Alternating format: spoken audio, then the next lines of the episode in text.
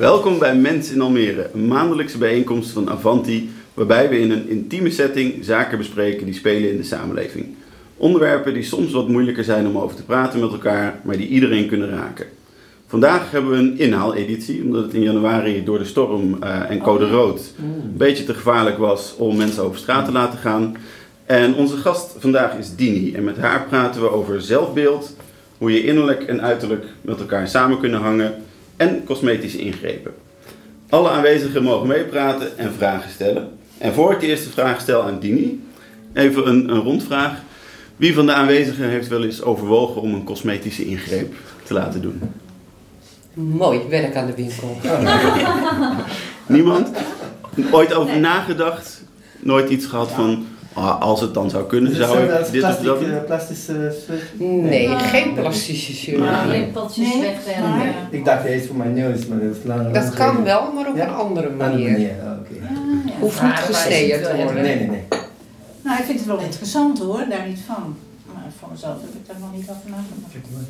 Oké. Komt nog wel. Ja, daar gaan we later in het gesprek ook nog eh, even op het is terugkomen. cosmetisch ook dat je haar wilt hebben waar je ze niet wil hebben. Bijvoorbeeld hier. Goeie vraag, valt dat onder de cosmetische Niet, niet in het wereldje waar ik in zit. Cosmetisch bij eh, waar, waar ik werk, zeg maar, en wat ik dus zelf ook heb ondergaan, is eh, de puntjes waar je je aan ergert of waar je eh, onzeker door wordt. Of eh, dingen die andere mensen continu naar je hoofd gooien van wat zie je er moe uit of ben je boos of wat dan ook, doe die frons. Eh, daar kun je wat aan laten doen. En dat kan ook best op een hele simpele manier.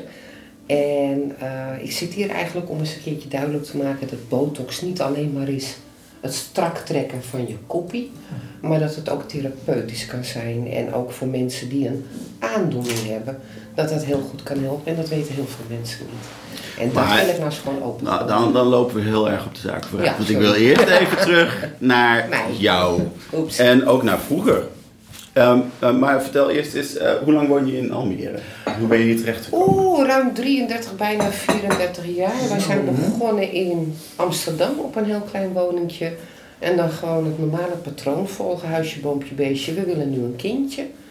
Dus in Amsterdam op laten groeien op een klein woningje, nee. Dus dan gaan we naar Almere, want daar komt echt alles. En een groot huis, en een tuin, en een premie A-woning, en yes! Dus dat hebben we gedaan. En eh, we zijn nooit meer weggegaan uit Almere. Nee, ook We horen er, we hoeft moppen ook niet er meer. over, maar we houden wel van hem. Hey, en als we het over zelfbeeld hebben, kan je je herinneren wanneer je voor het eerst in je leven, dus op welke leeftijd dat dan ook was, je bewust werd van je eigen zelfbeeld? Op de lagere school, ik denk toen ik een jaar of acht, negen was, toen vond ik mezelf eigenlijk maar een stom kind. Met een brilletje en scheve tandjes en uitgescholden worden. En eh, ja, ik vond, vond het voelde me niet zo heel veilig. Ik ben niet gepest of zo. Ik haak niet in op het grote item van pesten nu. Zo'n slachtoffer ben ik niet. Eh, maar ik was gewoon een heel onzeker kindje. En dat heeft eh, aardig wat jaartjes geduurd. Tot op de middelbare school, als je dan aanhaakt bij de populaire groep, ook al ben je dat zelf niet, en je kunt een beetje meelopen daarin, dan. Ja, dan Maar waar, kwam die onzekerheid vandaan, denk je? Uit mezelf. Maar Gewoon- waar vandaan? Ja, Moet dat, toch- dat, dat kan in je karakter zitten, dat kan gewoon in jezelf Heb je zitten. heel veel broertjes en zusjes? Of? Nee hoor, helemaal niet. En we hadden ook gewoon een heel prettig, heel normaal gezin. En Ja. echt helemaal geen narigheid meegemaakt. Gewoon een onzeker karakter. Maar dat is wel weg.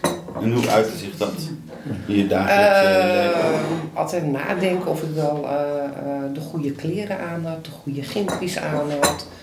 Bang zijn om in de klas wat te zeggen. Ehm, ja, dat soort dingetjes. Op het schoolplein zorgen dat je niet echt opvalt. Dat. Hebben meer mensen aan tafel zoiets meegemaakt vroeger? Nou, niet zo heftig. Nee? Nee, maar het was niet zo heftig hoor. Nee. Het klinkt misschien heftiger dan dat het is. Ja. ja. Nou, ik ken het wel hoor. Ja? Ik denk dat veel kinderen dat hebben hoor. Echt. Maar ik denk dat heel veel kinderen dat hebben inderdaad. Ja. Want je wordt als kind gewoon in het, in het diepe gegooid. op een Absoluut. gegeven moment. Vanuit de veilige omgeving van thuis. Juist. En dan kom je ergens in een omgeving. die- En dan gaat die, dan moet die pikorde worden vastgesteld en dan ben je natuurlijk altijd maar eentje in de rangorde. Ja. En dat maakt je onzeker. En wat is je Ik plekje moet- dan? Ik moet zeggen dat als je wat ouder wordt, dat die onzekerheid over van, goh, wat, wie ben ik en wat, wat moet ik aan en zo, dat gaat wegvallen. Ja. Interesseert me geen ene fluit meer. Eh, Wat een andere van vindt. Nee. Wel, eh, eh, Vind je Nee. mijn vest niet mooi? Nou, dan vinden ze mijn vest niet mooi. Ja. Ik werd op het laatste jaar op school werd ik Mr. Vlies genoemd, dat ik nogal vaak. Ja. Vliesvest lopen. Nou, prima joh. Ga je gang.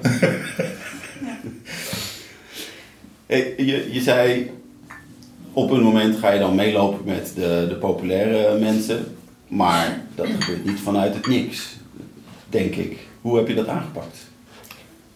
Wat ik me nog kan herinneren, gewoon voorzichtig aan. En ze vonden mij blijkbaar aardig genoeg om mee om te gaan.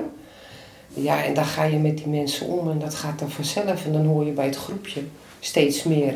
Je gaat die samen op pad of je gaat die samen naar een winkel. eh, of je doet samen dingen op school. En ja, dan in één heb je een vriendengroepje en dan hoor je erbij. En toen was die onzekerheid bij jouzelf ook weg?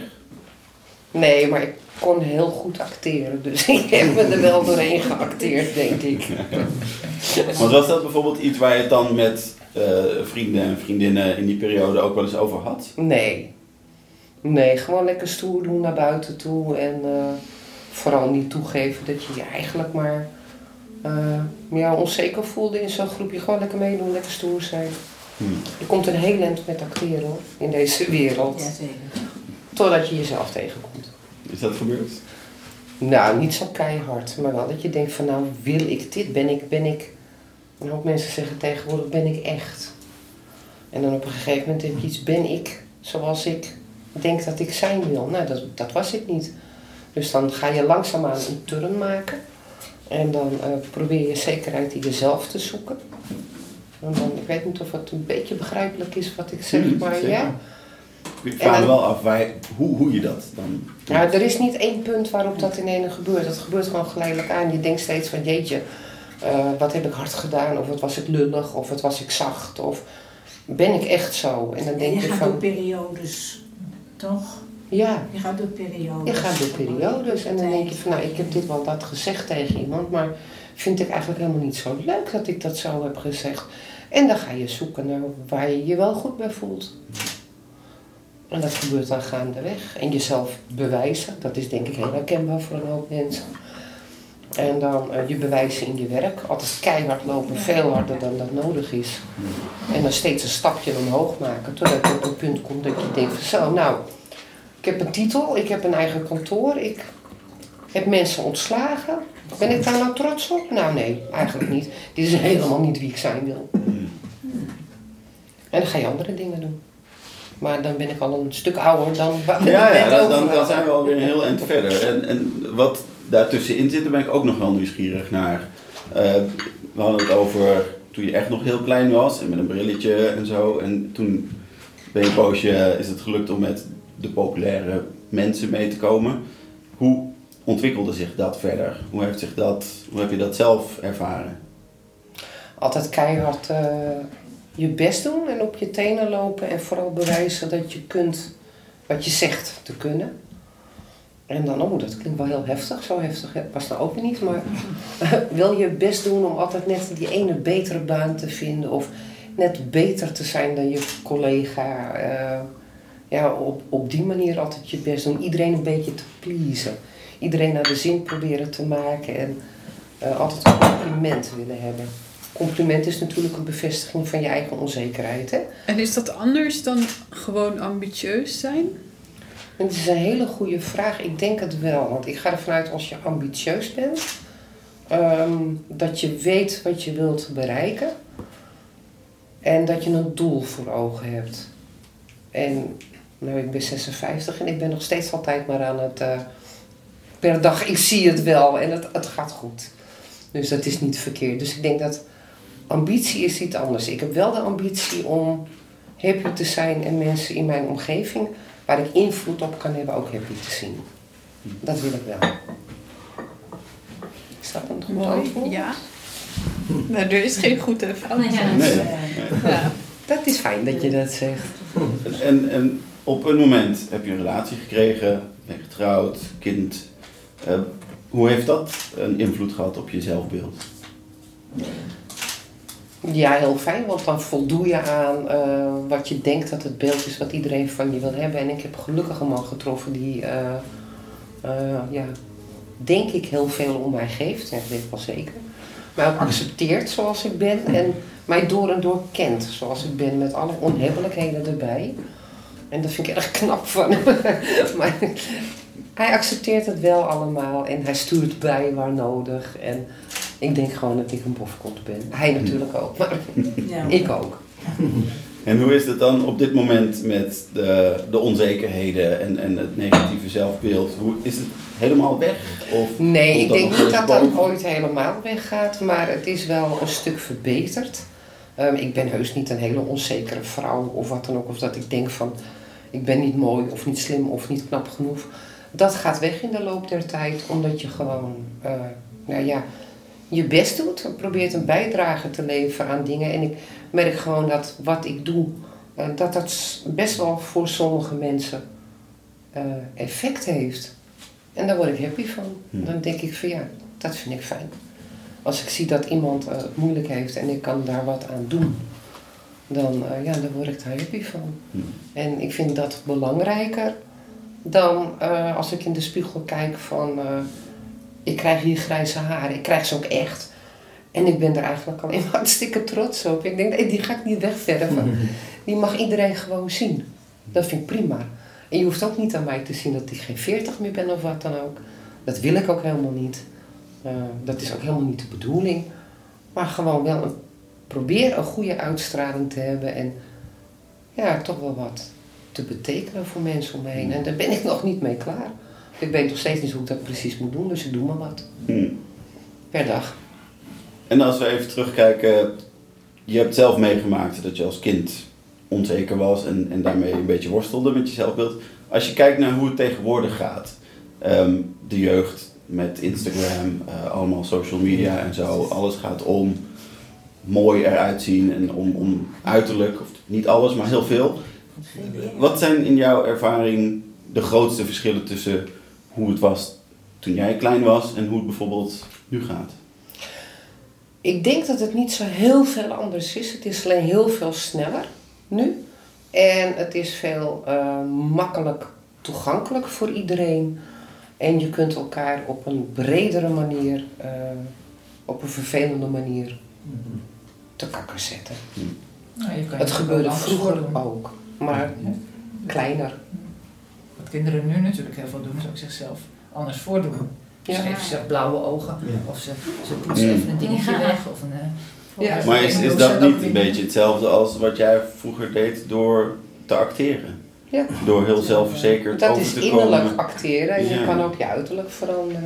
Ja. Ik geloof niet Ja, dat dat dat is echt heel anders is. Wat er anders aan is, is dat het dus, dat, is, dat blijft, hè, denk ik, met alle kinderen van nu ook. Hè, dus dat ze zichzelf anders voordoen, dat je een beetje cool doet en eh, thuis ben je weer heel anders. En, eh, maar ehm, dat je nu, ehm, ja, jezelf, ja, dat heet, ze hebben daar een naam voor, die kinderen, dat ze dus eh, nou ja, niet echt zijn op, op VDO. Dat is een, een en dat is een echte bijvoorbeeld. Hè, Is het wel een echte foto? Laat mijn dochter een foto zien van een leuke jongen of een leuk meisje. Dan ga je twijfelen. Nou, dat is nu Ja, zo. Dat, dan maken ze ogen Ja, mooier. Of maar ja, Dat vind ik niet zo heel erg, want als ik een foto van mezelf zie en die wil ik op Facebook of wat dan ook zetten en ik denk, wow, gaat er ook een filtertje overheen? Kijk, ik maak mezelf geen, geen twintig of zo, maar als ik denk van, hmm, niet zo'n goede dag gehad vandaag, dan wordt die foto mooi zwart-wit. Dan zie je er veel beter uit. Ja. En ik geloof ook niet dat dat erg is. Dat, dat is juist het gemak van nu. Oké, ja. Dus ja, ik vind het ook niet zo erg om eh, als iemand eh, eh, rood haar heeft, dat hij dat ineens zwart maakt of zo. Ik zie, ja, ik denk dat dat meer grappig is. Oh ja. En waar jij op doelt ja. misschien is als iemand zich totaal anders voordoet dan dat hij is en daarmee slechte bedoelingen heeft. Nee, Dat kan dat ook, gaat ook weer extreem. Nee. Ja, want dat kan nee, maar dan willen ze afspreken en dan, oh oké, is totaal anders of dat soort dingen. Niet Ja. se slecht. Gewoon fake. Maar, maar Ja. dat je denkt dat je met een blonde jongen met blauwe ogen afspreekt en dat er een meisje met donker haar. eh, Nou ja, dat is, Ja, dat is zo strafbaar. Ja. Ja, precies. Ja, dat, dat is schrikken. Nee, dat bedoel ik juist niet. Nee. Maar- een ander niveau. Van de kinderen van Heb, heb je nooit dat er bijvoorbeeld ergens een foto van jezelf online staat en dat je denkt van, nou, Oh, dat heb ik regelmatig. Denk ik, ja, ja, ik ben te luchtig in dat soort dingen. Ja. Maar ik denk, ik denk Goed wel juist. dat, eh, dat ze veel meer uren bezig zijn met dat hele zelfbeeld tegenwoordig hoor. Ik denk dat dat wel een groot verschil is. Als je ziet dat continu hè, worden al die foto's bekeken en dan wordt weer wat gestuurd. Ja, maar het kan ook digitaal nu, hè? Dat is ook... Ja, maar Dat vind ik eigenlijk, Met ik vind het eigenlijk wel een negatief Ja. iets dat je zo erg bezig bent met je uiterlijk. En om te laten zien wie je wel niet bent. Ja, ik, ik heb daar wel een probleem mee. Dat vind ik geen prettige ontwikkeling. eh. en eh, wat, wat daaraan precies niet? Ja, omdat het allemaal zo, zo buitenkant is. Ja. Dat, dat eigenlijk denk ik. Ik vind zo weinig. eh, ik denk, waarom moet je jezelf anders voordoen per se dan je bent? Ja. Ik denk dat dat meer te maken heeft met eh, als je van binnen niet happy bent, dan ben je dat Ja. van buiten ook niet. Nee. En dat moet in harmonie met elkaar Ja. komen. En dat is eigenlijk precies waar het nu om draait. Ja, maar ik denk ook doordat mensen zo erg daarmee bezig zijn, dat het de onzekerheid bij heel veel mensen kan versterken. Ja, omdat dat alles is- draait daarom. Hoe kom je over op de, nou, hoe is je profielfoto, hoe is dit? Maar ik denk wel dat het de onzekerheid bij mensen die al onzeker zijn groter maakt. Ik bedoel, Hmm. ik zet ook de, de goede foto en de goede dag op mijn Facebook. Maar zo zie ik er ook wel eens uit. Ja. Eén op de zeven Ja. dagen, zeg maar. maar dat vind ik niet... Ik, Mhm. maar je weet dat van elkaar, want iedereen doet dat. Dus ik ga er niet van uit. Als iemand zin heeft om eh, er een dag minder verzorgd uit te zien... of eh, even niet eh, een nette trui aan of Ja, zo... Dat is oké, want je weet dat... Mhm. Nou ja, je kiest die foto omdat het een van je mooie, mooie is. Ja, tuurlijk. Ja. En, nou ja, dat maakt nog wel uit met of je denkt dat iemand er altijd af, alsof iedereen altijd er op zijn best Mhm. uitziet, behalve jij. Want als je al onzeker Ja. bent, dan is het. Dan kan het versterken. Ja, Ja, ja. ja. Maar het verschil met vroeger, want dat was de vraag eigenlijk. Ja. Dat is me goed herinneren. Ehm, ik heb jarenlang in het onderwijs gewerkt, dus ik heb 37 jaar de ontwikkeling kunnen volgen. Van volkomen eh, analoog naar volkomen digitaal eigenlijk. Zo kan je het stellen. En wat in de laatste jaren gebeurt is natuurlijk veel via Facebook en, en, en andere social media. Ja, elkaar pesten soms, maar ook eh, in ieder geval elkaar volgen. En dat doen ze op een bepaalde manier. Maar dat gebeurde vroeger door bijvoorbeeld bepaalde merkkleding te dragen. En als je geen Nikes had, dan, dan telde je niet mee. Of, maar er dus waren ook duidelijk groepjes in. Ja, Groepjes die Ja. eh, bepaalde soort kleding droegen. En, andere groepjes die juist absoluut geen merkkleding droegen. Ja. En, en dat gaf... Maar dat Ja, is in wezen dus niet veranderd, alleen de techniek is veranderd. Het is Ja, digitaal. heeft een andere uiting Wat ik gekregen. een groot verschil vind, is dat je daar tot op zekere hoogte invloed op had. Eh, Op je uiterlijk Ja, hebben kinderen niet zoveel invloed. Ik was echt zo'n lange darm en zo nee, maar dat, dat hebben ze nog steeds niet Ja. natuurlijk. Nee, maar daar kon ik niks aan doen. Nee. Ik, ik was gelukkig stevig en ik, eh, ik deed een beetje stoer. Ik, echt, ik ben helemaal niet trots op hoe ik toen was. Maar nou ja, ik heb mezelf op die manier doorheen gesleept. En is- het overleven is dat. Nou, en, maar van de andere kant, ik heb van ja, nu de kinderen, eh, dat, dat uiterlijk, daar kun je nog steeds niks aan doen, behalve digitaal. En die, die schoenen, weet je wel, ik kom uit een gezin van zes, nou we moesten, hadden mazzel als we, als we eens een keer Nikes kregen. Dan kreeg ik echt iets anders niet. Maar dan had ik wel Nikes, ik had ze ook een keer, weet je wel. Nou, Ja. kon is je niet- iets van invloed uitoefenen. Ik bedoel toch niet negatief zo. Nee, nee, maar ik, ik, nee, ik signaleer alleen dat er Ja.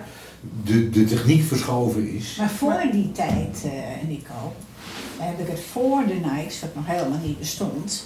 Dus hey, ik noem maar, maar in de oorlog, of vlak na de oorlog, werd er ook gepest. Ja, Ja. en op een andere manier, maar... bij het- hartstikke gepest, elkaar uitgescholden. Of in de of bosjes gegooid. Of, of- eh, ja, ja. ja, echt. Ja. Dat bestond ook hoor. Ja, het heeft dus vooral andere uitingen gekregen en het is wellicht Het is in het digitale tijdperk iets Ja. Ja, maar dat heeft ook te maken, met name de, de, de jeugd natuurlijk. Ja. En, eh, dit heeft te maken met, die, die zullen pikorde vaststellen. Ja. Oh, maar dat doen volwassenen ook hoor, niet alleen Ja, jeugd. ja, maar Oh, veel subtieler. oh, oh. Ja, maar volwassenen zijn... Ja. Ja, dit Maar goed, een beetje botox frissen en het is wel goed allemaal. Ja, precies. Subtieler dus. Eh, Dini, nog, nog één vraagje eh, over, de, over, je, over je jeugd eigenlijk. Eh, je ervaringen toen, hebben die nog invloed gehad op hoe je bijvoorbeeld eh, je dochter hebt opgevoed? Jeetje, wat een goede vraag. ja, ik denk het wel. Ik denk het wel. Om te voorkomen dat zij hetzelfde zou voelen als wat ik heb gevoeld, eh, heb ik denk ik dingen anders gedaan. Ja, Maar ik weet 100% zeker dat iedere vader en moeder dat zeggen. Maar kan je terughalen wat, wat je anders gedaan hebt? Geprobeerd er op alle fronten gewoon zekerheid te bieden die ik misschien niet had. Hm. Zelfvertrouwen. Maar ja, dat kun je alleen maar proberen. Dat moet uit een kind zelf ook komen natuurlijk. Zo. Dan wil ik even naar je huidige werk. Yes. Want je werkt bij de Barbary Clinic. Ja, Barbary Hoe- Clinic in Hoe Laren. ben je daar terecht gekomen?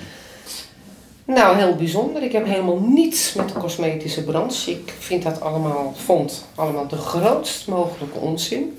Bedoel, waarom zou je iets aan jezelf laten doen? En ik kwam deze dame tegen eh, via LinkedIn. En ik werd gegrepen door haar passie en haar eh, eh, ja, kennis, zeg maar. En de wilskracht die ze ook toont om van iets niets te maken. En behalve mensen gewoon een, een, een beter gevoel te geven met een strakke voorhoofd. Ook in Marokko kindjes te helpen met problemen. En eh, therapeutische toepassingen te doen bij mensen met problemen. En toen had ik iets van, ja, bij jou wil ik gewoon werken. Op de een of andere manier. En dat lukte toen niet. Dat is zo'n twee jaar geleden. Daar was toen geen budget voor. En ze, ze moest nog echt alles opzetten en groeien. En eh, niet lang daarna kwam er nog een keer een vacature voorbij waarover we contact hebben gehad. En ik ben naar binnen gestapt en ik ben eigenlijk niet meer weggegaan. en ik maak gewoon de groei mee eh, van dit kleine bedrijfje. En ik wil ook gewoon dat zij eh, in, haar- in de mogelijkheden die ze heeft haar top kan halen. Want er zit gewoon echt zo verschrikkelijk goed hart in. En ze heeft zoveel eh, passie voor wat ze doet. En ik zie gewoon mensen die echt een, probleem hebben, waarvan ik nu kan zeggen, hadden, zal veranderen. En dat is gewoon zo'n hele andere kant van de cosmetische eh, branche, dat ik denk van dit vind ik zo leuk. Dit wil ik gewoon doen. Hier wil Wat, ik wat is jouw rol in het bedrijf? Ja, wat is mijn rol niet? Ik ben begonnen als administratief medewerkster en ik ben nu operationeel manager. Eh, dat klinkt heel hoogdravend, maar het is gewoon een manetje van alles. En je pakt alles op wat, eh, wat onderweg is. Ik ben bezig met cliënten, ik doe de planning, doe een commercieel stukje. Ik bel mensen die interesse tonen. Eh, ik leg dingen uit en eh, ik nodig ze dan uit voor een consult. Waarna de arts met ze gaat spreken, want het is echt een, een afgestudeerde arts. En ehm, als ze behandeld zijn, dan neem ik na een aantal dagen weer contact op om te vragen hoe het gaat. Ik verzorg de facturering en ik help met beurzen en noem maar op. Hm. Gewoon alles wat op ons pad komt. We zijn een klein team, we doen het met elkaar. Dat is gewoon superleuk. Met hoeveel mensen werken jullie? Eh, drie voor de schermen, nog twee erachter. Ja, nou ja. Dus vijf, hooguit Ja, zes dat is man. overzichtelijk. En kan je iets meer vertellen over de soort ingrepen die jullie daar doen? Want ik- ik heb begrepen, het is geen cosmetische chirurgie, maar Nee. het zijn wel cosmetische ingrepen. Ja, het is Wat is het verschil? Je hebt cosmetische chirurgie, bijvoorbeeld een facelift. Dan ga je snijden achter, de, achter het oor en dan ga je met een mes en hechtingen en trekken en zo. Eh, wij doen, wij, wij, ik niet. Onze arts doet een aantal verschillende dingen. Dat is de plexer soft surgery. Eh, dat is dus bijvoorbeeld een ooglidcorrectie. eh, waarbij je hetzelfde effect hebt als een chirurgische ingreep, maar dus zonder snijden. Want dat kan dus. Kaaklijnverstrakkingen, ooglidcorrecties, de wallen weghalen, dat kan. Dat is één ding, dat is dus de plexus soft surgery. Dan heb je de botox. Daar kun je dus ehm, ja, rimpels en zo mee eh, verstrakken. Wat heel veel mensen niet weten is dat botox ook ingezet wordt als een therapeutisch medicijn. Uh, iemand die overmatig transpireert, bijvoorbeeld in de oksels, kan daar heel veel last van hebben in het dagelijks leven. Als je altijd van die natte plekken hebt, uh, daar kan je heel onzeker voor zijn. Nou, met botox kun je dat oplossen. Dat kun je gewoon weghalen. We hebben iemand met een, uh, ja, die heeft een trauma gehad, een ongeluk aan de mond. Hartstikke mooi meisje, hartstikke lief meisje, ook vrouw moet ik zeggen. Ze is moeder. En die was heel onzeker gestopt met de studie, die had de kaak, die was helemaal scheef. Die heeft twee hersteloperaties gehad waarbij een zenuw is geraakt. Dus die heeft een scheve mond. Nou, je kunt je voorstellen wat het wordt. Altijd lachen met je hand ervoor, uh, onzeker zijn. Gestopt met de studie. Onze arts heeft daar door middel van botox de andere kant ja, gedeactiveerd. Waardoor het weer in balans komt. En deze mevrouw staat gewoon weer op foto's met een glimlach. En dat vind ik mooi. Ook iemand met een aangezichtsverlamming gedeeltelijk. Uh, de andere kant aan deactiveren met botox. En die heeft gewoon weer een recht gezicht. En dat is gewoon iets wat heel veel mensen niet weten. En daar willen we ik graag over praten. Ja. En daarom zeg ik ook gewoon tegen mensen, gewoon om te triggeren. Ja, ik heb botox. Ja, ik heb fillers. Ja, ik heb een ooglidcorrectie gehad. En dan hoop ik dat mensen gaan vragen, maar waarom dan? En hoezo Waarom dan? dan?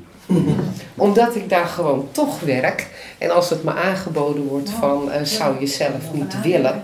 Ja, natuurlijk, want oké, okay, die opmerkingen van, je het ziet er mooi uit, die bibo's. Dan word je ook wel een keertje zat. Dan denk je van, nou, even lekker niet.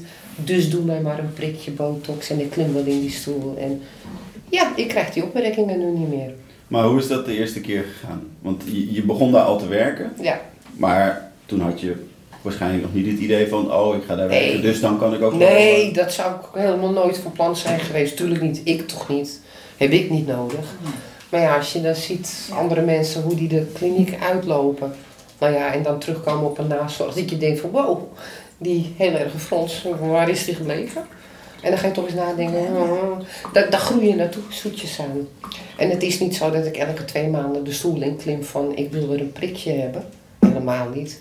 Want dat doet ze ook niet eens, want dan zegt ze gewoon van uh, uh, nee, je moet wel zijn wie je bent. En niet over, we worden geen Marijke, bij wijze van spreken. Hmm. En dan denk je van ja, is wel fijn als mensen geen rotopmerkingen meer maken. En dan denk ik na maand of vier, vijf, hé, hey, begint weer wat te zakken. Doe maar ook een prikje dan. De allereerste keer toen je iets hebt laten doen, Ja. dat, dat was botox of Ja. filler. Ja, botox. Phew, dat was eng. Ja? Kan je dat omschrijven? Ja, tuurlijk. In de eerste plaats hou ik helemaal niet van naalden. Dat vind ik echt, echt verschrikkelijk. En dan de drempel dat je gewoon iets in je hoofd laat spuiten wat daar volgens mij niet thuis hoorde. Maar ja, goed, dat is een taboe, dat is al lang doorbroken inmiddels. Want het is zo toegepast tegenwoordig dat het echt geen kwaad meer kan. Nou ja, dat is dan de eerste keer en dan laat je het doen. En dan, eh, ja, dan krijg je een paar hele kleine prikjes. Je voelt het amper. Want ze kan gewoon wijs goed prikken. En dan sta je de volgende dagen elke dag 30, 40 keer voor de spiegel van... Zie je wel, ik zie helemaal niks. En dan in één en na twee weken denk je van... Hé, hey, het is wat strakker. Ja. En dan denk je, nou, niet verkeerd. En dat werkt dan ook mentaal natuurlijk. Dat werkt mentaal. Ik bedoel, ik, eh, het, het klinkt stom, maar ik loop rechterop. Ja. Ik kijk mensen meer aan en ik loop ook echt buiten van... Hallo wereld. Ja, En ja, dat was toch, ja, ik was op een gegeven moment toch iets van, ik ben 56, ik tel niet meer mee. En, eh, Ja. Alleen maar mannen van boven de 80 en vrouwen van boven de 80, die kijken nog naar me om bij wijze van spreken. Dus dat heeft ook met je zelfvertrouwen te maken. Ja. En als het voor mij werkt, ik wil niet zeggen dat het voor een ander werkt, maar voor mij werkt het. En ik hoop gewoon ook voor sommige andere mensen ook. Hm. Ja, ik ben er zeker van geworden, ja. Je vertelde net, ehm, als ik iedere week zou komen, dan zou ze zeggen nee. Nee, dat Eh, doet ze niet. Nee. Moeten sommige mensen tegen zichzelf in bescherming genomen worden? Want je hoort inderdaad Ja. wel eens dat het verslavend werkt. Ja, Absoluut. Ja, ik denk het wel. Vooral ehm, wat heel erg trend is geweest, is je, je lippen laten opspuiten. Lekker dik van die Dat ziet dunkfeestlippen. er eruit. of- Dat is niet mooi. Dat Oh, moet je ook niet doen. En als die jonge meiden komen en die willen echt van die lippen hebben, Vreselijk. dat moet je niet doen. Het moet wel natuurlijk blijven en het moet esthetisch mooi blijven. Maar waar- waarom zijn er dan toch zoveel die er zo bij lopen? Omdat er heel veel cosmetische artsen zijn die daar gewoon de eurotjes Ja. in zien. Dat is gewoon een heel plat antwoord, maar zo werkt ziet, het wel. Ja. Ja. En als jij komt met flink wat eurotjes en Ja, er zijn klinieken die zeggen, kom maar op. Ja, dat gebeurt ook. Maar zou daar dan iets van een... Keuring? Ja. Dat, dat gaat eigenlijk een beetje buiten mijn kennis en mijn macht Ja. om. Natuurlijk wordt, wordt iedere cosmetische kliniek wordt gecontroleerd. Ehm, ik weet niet hoe dat precies gaat. Ik denk ook dat het van de esthetische verantwoordelijkheid van een arts afhangt van tot hoe ver je gaat. Ja, ook. En de mensen moeten toch ook een beetje zelf hun hersens gebruiken. Ook dat. verder gaan we Hè, niet. Een beetje zelf. Pubers eh, kunnen dat niet. Dat is het probleem. Pubers die kunnen niet de consequentie Ja, echt van hun daden. Pubers, pubers die komen natuurlijk niet. Hè. We moeten nog Echt, het zijn jonge meisjes. Nou ja, Ik, ik hoor zo Dat zijn geen pubertjes meer, dat zijn de meiden van verjaardag 20. krijgen. nou, maar die zijn nog steeds... dergelijke. Het eh, brein is pas vergroeid op je 25ste. hoor. Ja, maar een puber, puber vind ik 14, 15, 16 jaar. Dus ik weet niet of ik het Ja, daar is- goed is er voor een- is er leeftijdsgrens? Ja. Eh, ja, we hebben een, een leeftijdsgrens van eh, ja, toch wel minimaal 18. Maar we hebben heel weinig echt hele jonge meiden. En de jonge meiden die we hebben, eh, die worden ook behandeld omdat ze echt... Dat ze echt iets mankeren. ja, natuurlijk. nou, mankeren is een groot Ja, nou ja, dat er echt iets aan verbeterd kan worden Ja. op een manier waarbij het niet Ja, overdreven wordt. zit er, eh, ja, ja. En dan is het hartstikke fijn als dat Juist, maar de meeste cliënten zijn vanaf ja, 25, 30 jaar en een stuk ouder. Dan Ook begin je er mensen pas van geld dik in voor de te hebben. 70. Ja, wie weet. Wie weet. Ja. Maar dat opspuiten van die lippen, dat, dat gebeurt juist bij, bij de, de jonge meiden. Nee, het gebeurt ook bij meiden, meiden van mijn leeftijd, bij vrouwen van mijn leeftijd. Want wees nou eerlijk, die lippen die worden gewoon minder. Mijn contourlijnen, die zijn lang niet meer zo strak als dat ze zijn jij, geweest. Jij, maar jij Dat kunt de zou consequentie kunnen. overzien Ja. van, goh, als ik dat doe, Ja. dan moet dan ook de rest van mijn leven mee. Ja. En hoe zie ik er over 30 jaar uit? En dan gun ik iedereen een goede arts die met je meedenkt. Dat is belangrijk. Ja, maar die meisjes van, nou, 20. 18 des, desnoods, die, die overzien dat niet. Die, die denken alleen, oh, dat is mooie lippen. En over vijf jaar denken ze van, shit, ik heb helemaal geen mooie mooi. Nee, want En dat- nee, fillers zijn tijdelijk. Die zijn er met een maand of negen breekt dat Ja? weer af. Ja. Ja. Je had vroeger permanente fillers, maar dat mag niet meer, dat is verboden. Terecht. Dat is echt verboden. Dankjewel. Ja, dank je. Wat voor soort mensen komen er eh, eh, langs? Oh, dat is zo bijzonder. Allerlei soorten mensen. Echt mensen waarvan ik, ik dacht altijd dat is een bepaald soort mensen wat iets aan zichzelf laat doen. Eh BN'ers of de mensen uit het gooien of wat dan ook. Nee, het zijn echt allerlei mensen. Mensen zoals jij en ik. Mannen die onzeker zijn over een kaartlijn omdat die eh, verslapt is of niet geprononceerd of wat dan ook. Dat komt voor. Vrouwen eh, zoals ik, jongere vrouwen, oudere vrouwen. eh, mensen die echt last hebben van hun oogleden, dat het echt drukt op hun ogen. Eh, allerlei mensen. Maar niet iedereen zal dat zomaar kunnen betalen. Nee, dat denk ik ook niet. Hoe, hoe doen mensen dat, die bij jullie komen? De meeste mensen die bij ons komen, die komen eerst op een consult. Dan wordt er gewoon eerst een, een adviesgesprek gedaan van waar erger en waar stoor je aan en wat zou je willen veranderen. En dan komt er een behandelplan en dan krijg je een kostenplaatje. En dan is het aan, eh, aan die persoon om aan te haken of af te haken. Wij kunnen natuurlijk niet in eh, iemands portemonnee kijken. Maar ik denk niet dat heel veel mensen die echt ehm, heel weinig hebben, eh daarmee bezig zijn. Hmm. Want iemand die de week niet rond kan breien en bijvoorbeeld aan een voedselloket moet, die zal niet over botox nadenken, lijkt mij. Misschien denken ze er wel over na, maar het is niet Ja. bereikbaar. Nee, precies.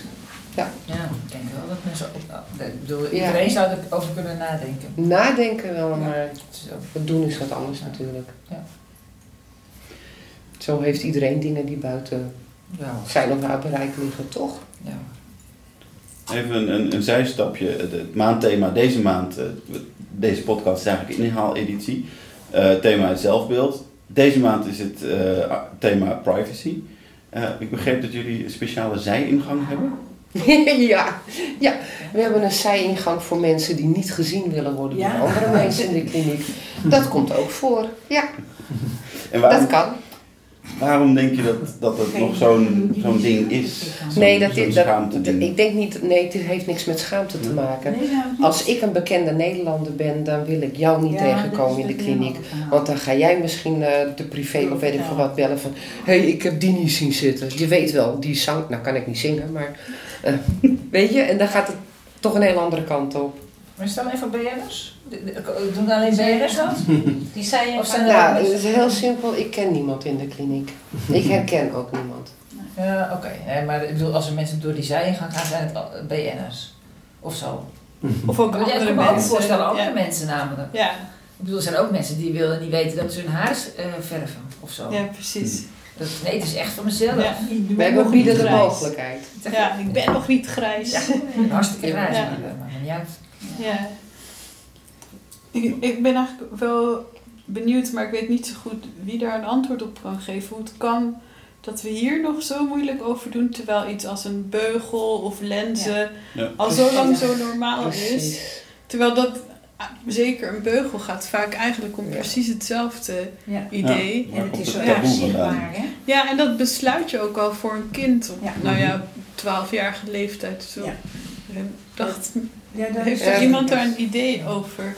Maar er zit ook een gezondheidskwestie achter, denk ik. Want een, een recht gebit is makkelijker te onderhouden. Ja, dus ja. het is vanuit de tandheelkunde is het Beter. beter. Ja. En ik eh, ben nooit aan de beugel geweest.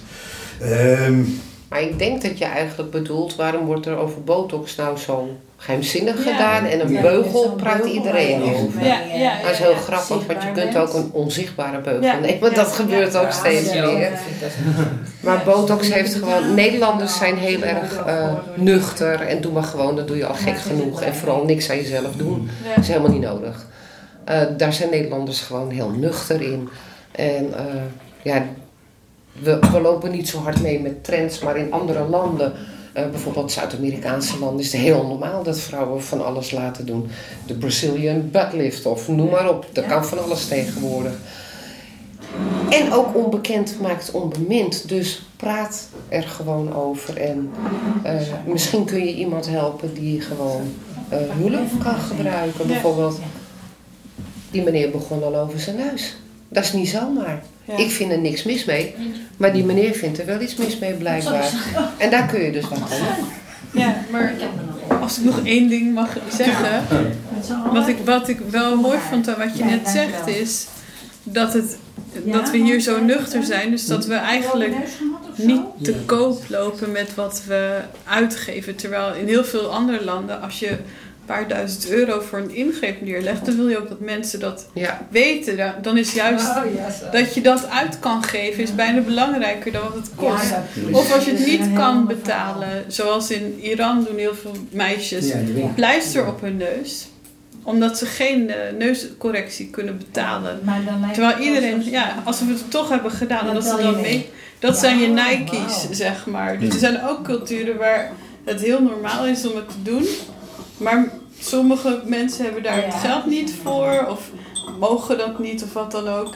En die doen dan alsof ze het hebben laten doen. Ja, ja, maar, ja. En ook de wenkbrauwen. hè? Ja, Ja, het goed sowieso. Ja, vast. je er echt in Ja. verdiept. Ja. Dat klopt inderdaad. Ja, dat het heeft te maken met het aantal, Nederlanderschap, denk ik. Met onze mentaliteit. Geloven. Ja, maar dat is wel een mooie, interessante factor. Mhm. Ja. Dat, dat je dan zelfs er zoveel aan uitgeeft Nou, of voor opgeeft of de- in ieder geval de tijd ervoor neemt. Of het, of- en dan doe je het en dan...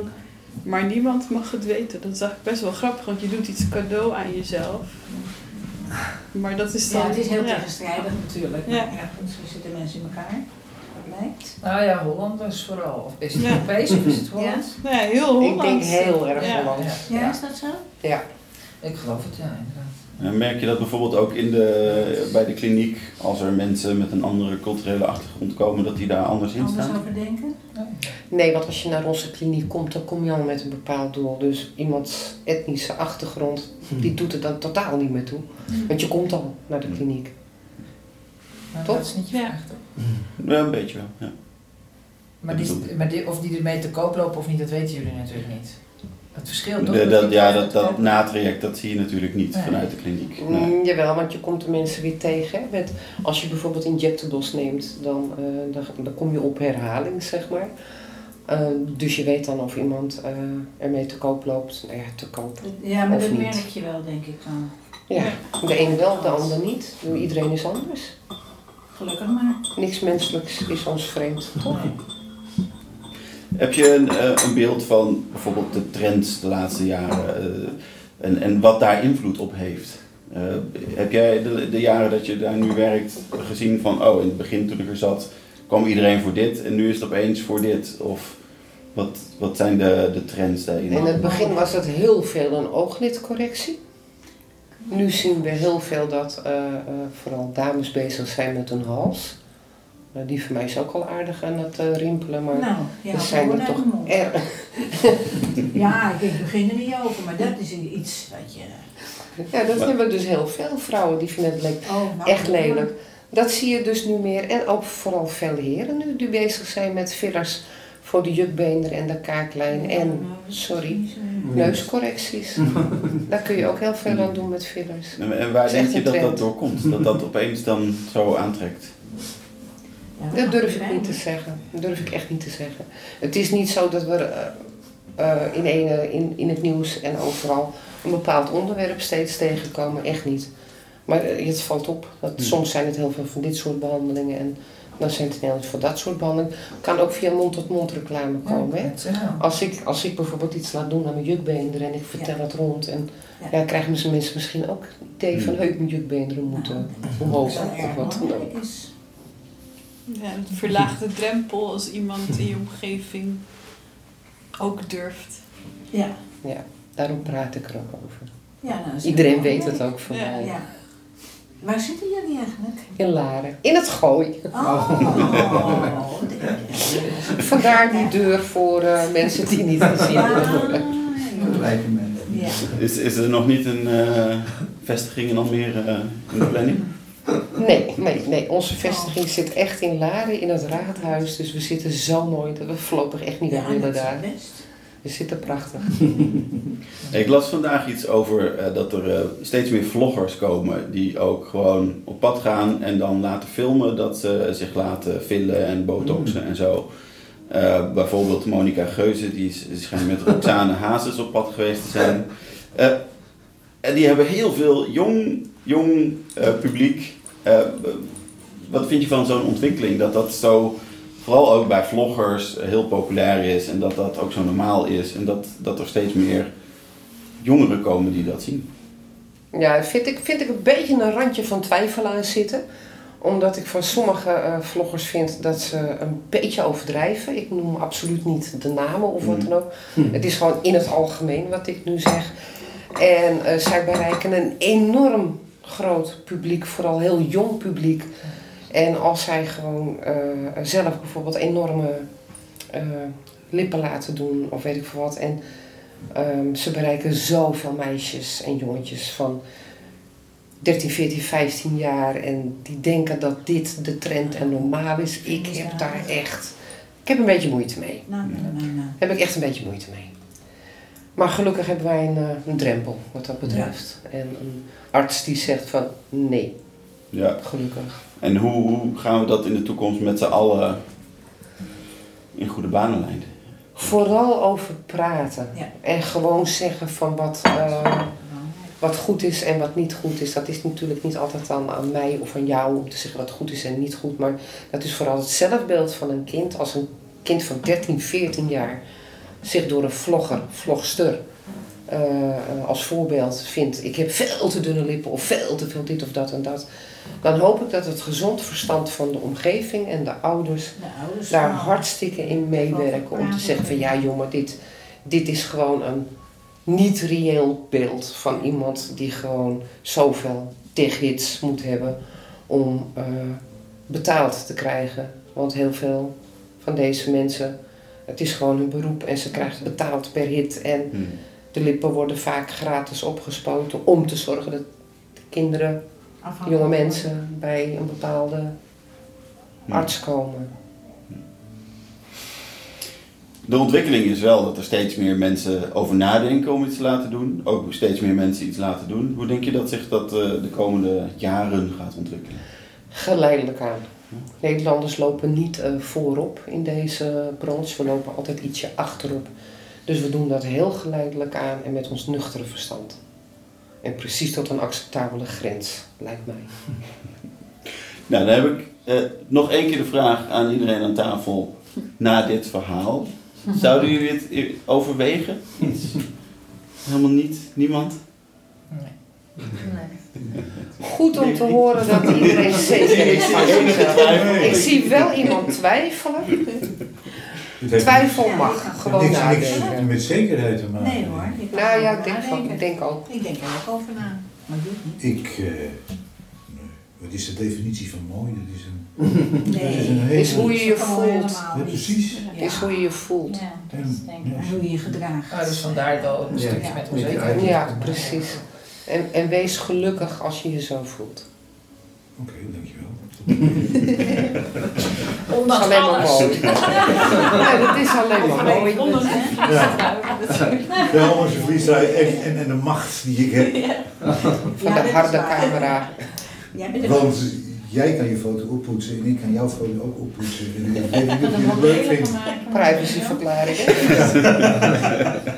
Eh, heb je als fotograaf wel eens dat je iemand fotografeert en denkt van, nou, dit is niet een hele goede foto, die gebruik ik niet. Ja. natuurlijk wel. Ook Ik andersom. maak altijd veel meer foto's dan Ja. ik strikt nodig heb. Omdat net op het moment dat je afknipt, doet iemand zijn ogen dicht. Nou, dan kan je Ja. geen gif op innemen. Ja, dat ben ik. En dat betekent dus dat je een aantal foto's achter elkaar moet maken, zodat iemand net een, een uiterlijk, Een open blik heeft. een, ook- ja, een blik heeft die, die, Ja. die, eh, die prettig is om naar te kijken. Ja. Eh, en het hangt van de doelgroep af natuurlijk. Ik fotografeer jullie anders dan dat ik, ik fotografeer bijvoorbeeld ook bij een goede reden concerten. En dan fotografeer ik op een hele andere manier. Want dan probeer ik ja, de muzikale uiting vast te leggen. Ja. En dat, dat is een heel andere tak van sport, denk ik. En ja, natuurlijk, ik, ik manipuleer mijn foto's een klein beetje, maar niet heel veel hoor. Ik vind het. Een digitale botox. Nee. nee, dat bedoel ik niet. Wat, wat ik Even de doe is, filtertje. ik, ik stel de belichting bij, want dat is gewoon af en toe nodig. Ja. Ja. En je kan het contrast een beetje bijstellen. En je kan het fotootje wat scheef staat kun je rechtzetten. En is, het, is, dat is het. Of zwart-wit maken als ik echt... Daar hou ik van. Ik zal het onthouden. Zwart-wit vind ik wel mooi. Ja, ik, ook hoor. Dat vind ik echt mooi. Ja. Zwart-wit vervreemdt. Ja. eh, vervreemdt de werkelijkheid meer dan kleur. En kleur leidt af ook nog een keer van Ja, het dat denk ik wel, ja. ja. Hij heeft veel meer zeggingskracht. Jij, jij, jij kijkt ook nog naar zwart-wit films. Nou, Of niet dat, meer? ik kijk überhaupt niet veel naar films. Oh. Dus dat, Nee, want Alleen in zijn mijn bed naar weinig- maar er Netflix. zijn, Ja. maar ik kijk wel naar zwart-wit foto's en er Ja. zijn zulke mooie dingen bij. Mhm. Ik heb ook nog een vraag eigenlijk aan jullie, zo als dat mag. Mhm, Zeker. Ja? Hebben jullie beeld van mensen die eh, botox laten zetten? Heb ik dat een beetje kunnen veranderen? Of het idee van de cosmetische ja, ja, een, beetje, een beetje uitgebreid. Ik heb nagedacht over inderdaad een beetje chirurgische ingrepen dan. Hè? Van, van kinderen die iets aan hun gezicht hebben. Dat je denkt, eh, dan moet je de tijd even. Maar daar zijn de ouders voor om het in de gaten te houden en om daar toch iets mee te doen. Bij mijn kleinzoon zijn ook zijn oortjes eh, op een gegeven ogenblik eh, tegen zijn hoofd aangezet. dat is ook heel belangrijk. En is jullie idee van mensen die botox in hun hoofd laten spuiten nou een beetje veranderd? Of? Nou, ik denk dat er een groot verschil is tussen nou, meer de medische noodzaak, die Ja. voorbeelden die Ja. je gaf. Maar ja, dat is Mooi. natuurlijk ook wel bekend. Je hebt plastische chirurgie van medische noodzaak en dan om er mooier uit te zien. Ja, daar heb ik wel moeite mee, omdat ik toch denk inderdaad, mensen zijn onzeker en dan laten ze het doen. En dan is dat klaar, oh ja, maar nou is dit nog niet zo mooi. Volgens mij heb je heel gauw dat het eh, meer en meer en meer wordt. Terwijl ik, ja, zelf voel ik daar helemaal, helemaal niet die neiging om iets te gaan veranderen. Heerlijk toch? Ja, Nou, ik, vind wel, eh, ik vind het prima als, weet je wel, ik vind als volwassenen dat besluiten. En dat doen, als ze daar happy van worden, moeten ze het echt weten. Dat vind ik helemaal goed. Maar het, het, het een op het ander, dat herken ik ook wel. Ja, van, wordt dit niet goed en dan is dat ook niet goed. Ja, Dat is- ja. Ja, maar dat gebeurt minder vaak dan jullie denken hoor. Dat mensen Ja, want dat doorslaan. zijn het de dingen Dat die je leest. niet zo dat is Ja. ja, het is Ja, misschien dat in in de jouw blaadjes praktijk komt. niet, maar als je wel dat- eens dingen leest en Ja, dan dat meisjes van. Ja, maar dat zijn die blaadjes. hè? Ja, nee, Ja, ik, ik, ken, heb maar blaadjes. twee mensen die het doen en die hebben allebei, gaan ze van de een Ja? op het Toch andere. wel. En het Ja. zijn hele Oh ja? kleine dingetjes dan denk ik, oh mijn god, Als je dan ja, je er zo mee veel? bezig bent. Ja. zo jammer. Ja, ja, je wel? En ik kan wel zeggen, je bent mooi, want ze vindt het natuurlijk zelf niet, Ja, dus het heeft allemaal geen zin. Maar dat ik denk, oh wat jammer dat je van het een en, nou, en mijn zoon ook precies hetzelfde gaat. Eén en het andere, dan is het dit, dan is het dat. Maar Ik in, denk in, dat in ik daar hoeverre is dat eigenlijk heel erg eh, extreem anders dan mensen die heel veel geld uitgeven aan bijvoorbeeld hele dure kleding of Mhm. zo, Ja. om zich dan weer anders Ja. voor te doen. Een. Om er een bepaalde manier uit te zien, ehm, Ja. of Ja. eh, een bepaald kapsel, of een bepaalde Ja. bril. Of Of, ook eh, de smartphone, we elke keer een nieuwe hebben. Gewoon Ja. iets Nou ja, anders. Dat is een goede vraag. Wat is Ja. het verschil? Bij het Nou ja, kijk, het is natuurlijk wel zo, je wordt ouder en het lijkt wel als, alsof niemand meer ouder mag worden. Of dat dat dan gezien wordt als, nou dan ben je niet meer goed. Hm. Dat idee krijg je. Kijk, bij kleding is dat heel anders. Ik bedoel, denk je kunt niet je kleden of je gezicht er nu wat ouder uitziet of niet. Dat wil niet zeggen als je ouder wordt eh, dat je nergens meer om geeft hoe je eruit ziet. Maar eh, het natuurlijke proces is natuurlijk dat je langzaam wat ouder wordt en dat je er anders uit gaat zien. Maar dat heeft niks te maken met het feit eh, dat iemand er opmerkingen over krijgt dat iemand er altijd moe of boos uitziet. Ja, dat is echt de andere kant. Ja, maar dat moe of boos uitzien, inderdaad, als je oogleden zo hangen Ja. of die wallen, Ja. daar kan ik me nog wel iets bij Precies. voorstellen. Eh, ja, de boos uitzien of frons of rimpels, ja, dat vind ik dan niet zo. Ik zou het ook eerst op een andere manier proberen, geloof ik. Hoor. Ja, ik of geloof mij, crème helpt niet. Maar, Ja, dat is een andere manier. Als je er moe uitziet om dan toch wel wat uitgeruster te, worden. En, eh, Precies. toch wel. Ja, maar als het Ja. niet komt doordat je niet genoeg slaap krijgt, ja. Ja. ja, dat kan. Ja, ja dat, dat is eigenlijk wat ik Mhm, probeer aan te mhm, kaarten. mhm. Om gewoon, Ik eh, ben het volledig met je eens dat sommige mensen gewoon echt no- normaal moeten doen en niet zo doorslaan en dit eraf en dat eraf en dit beter en dat beter. Maar er gebeurt er zoveel meer nog in die cosmetische eh, Ja. Branche.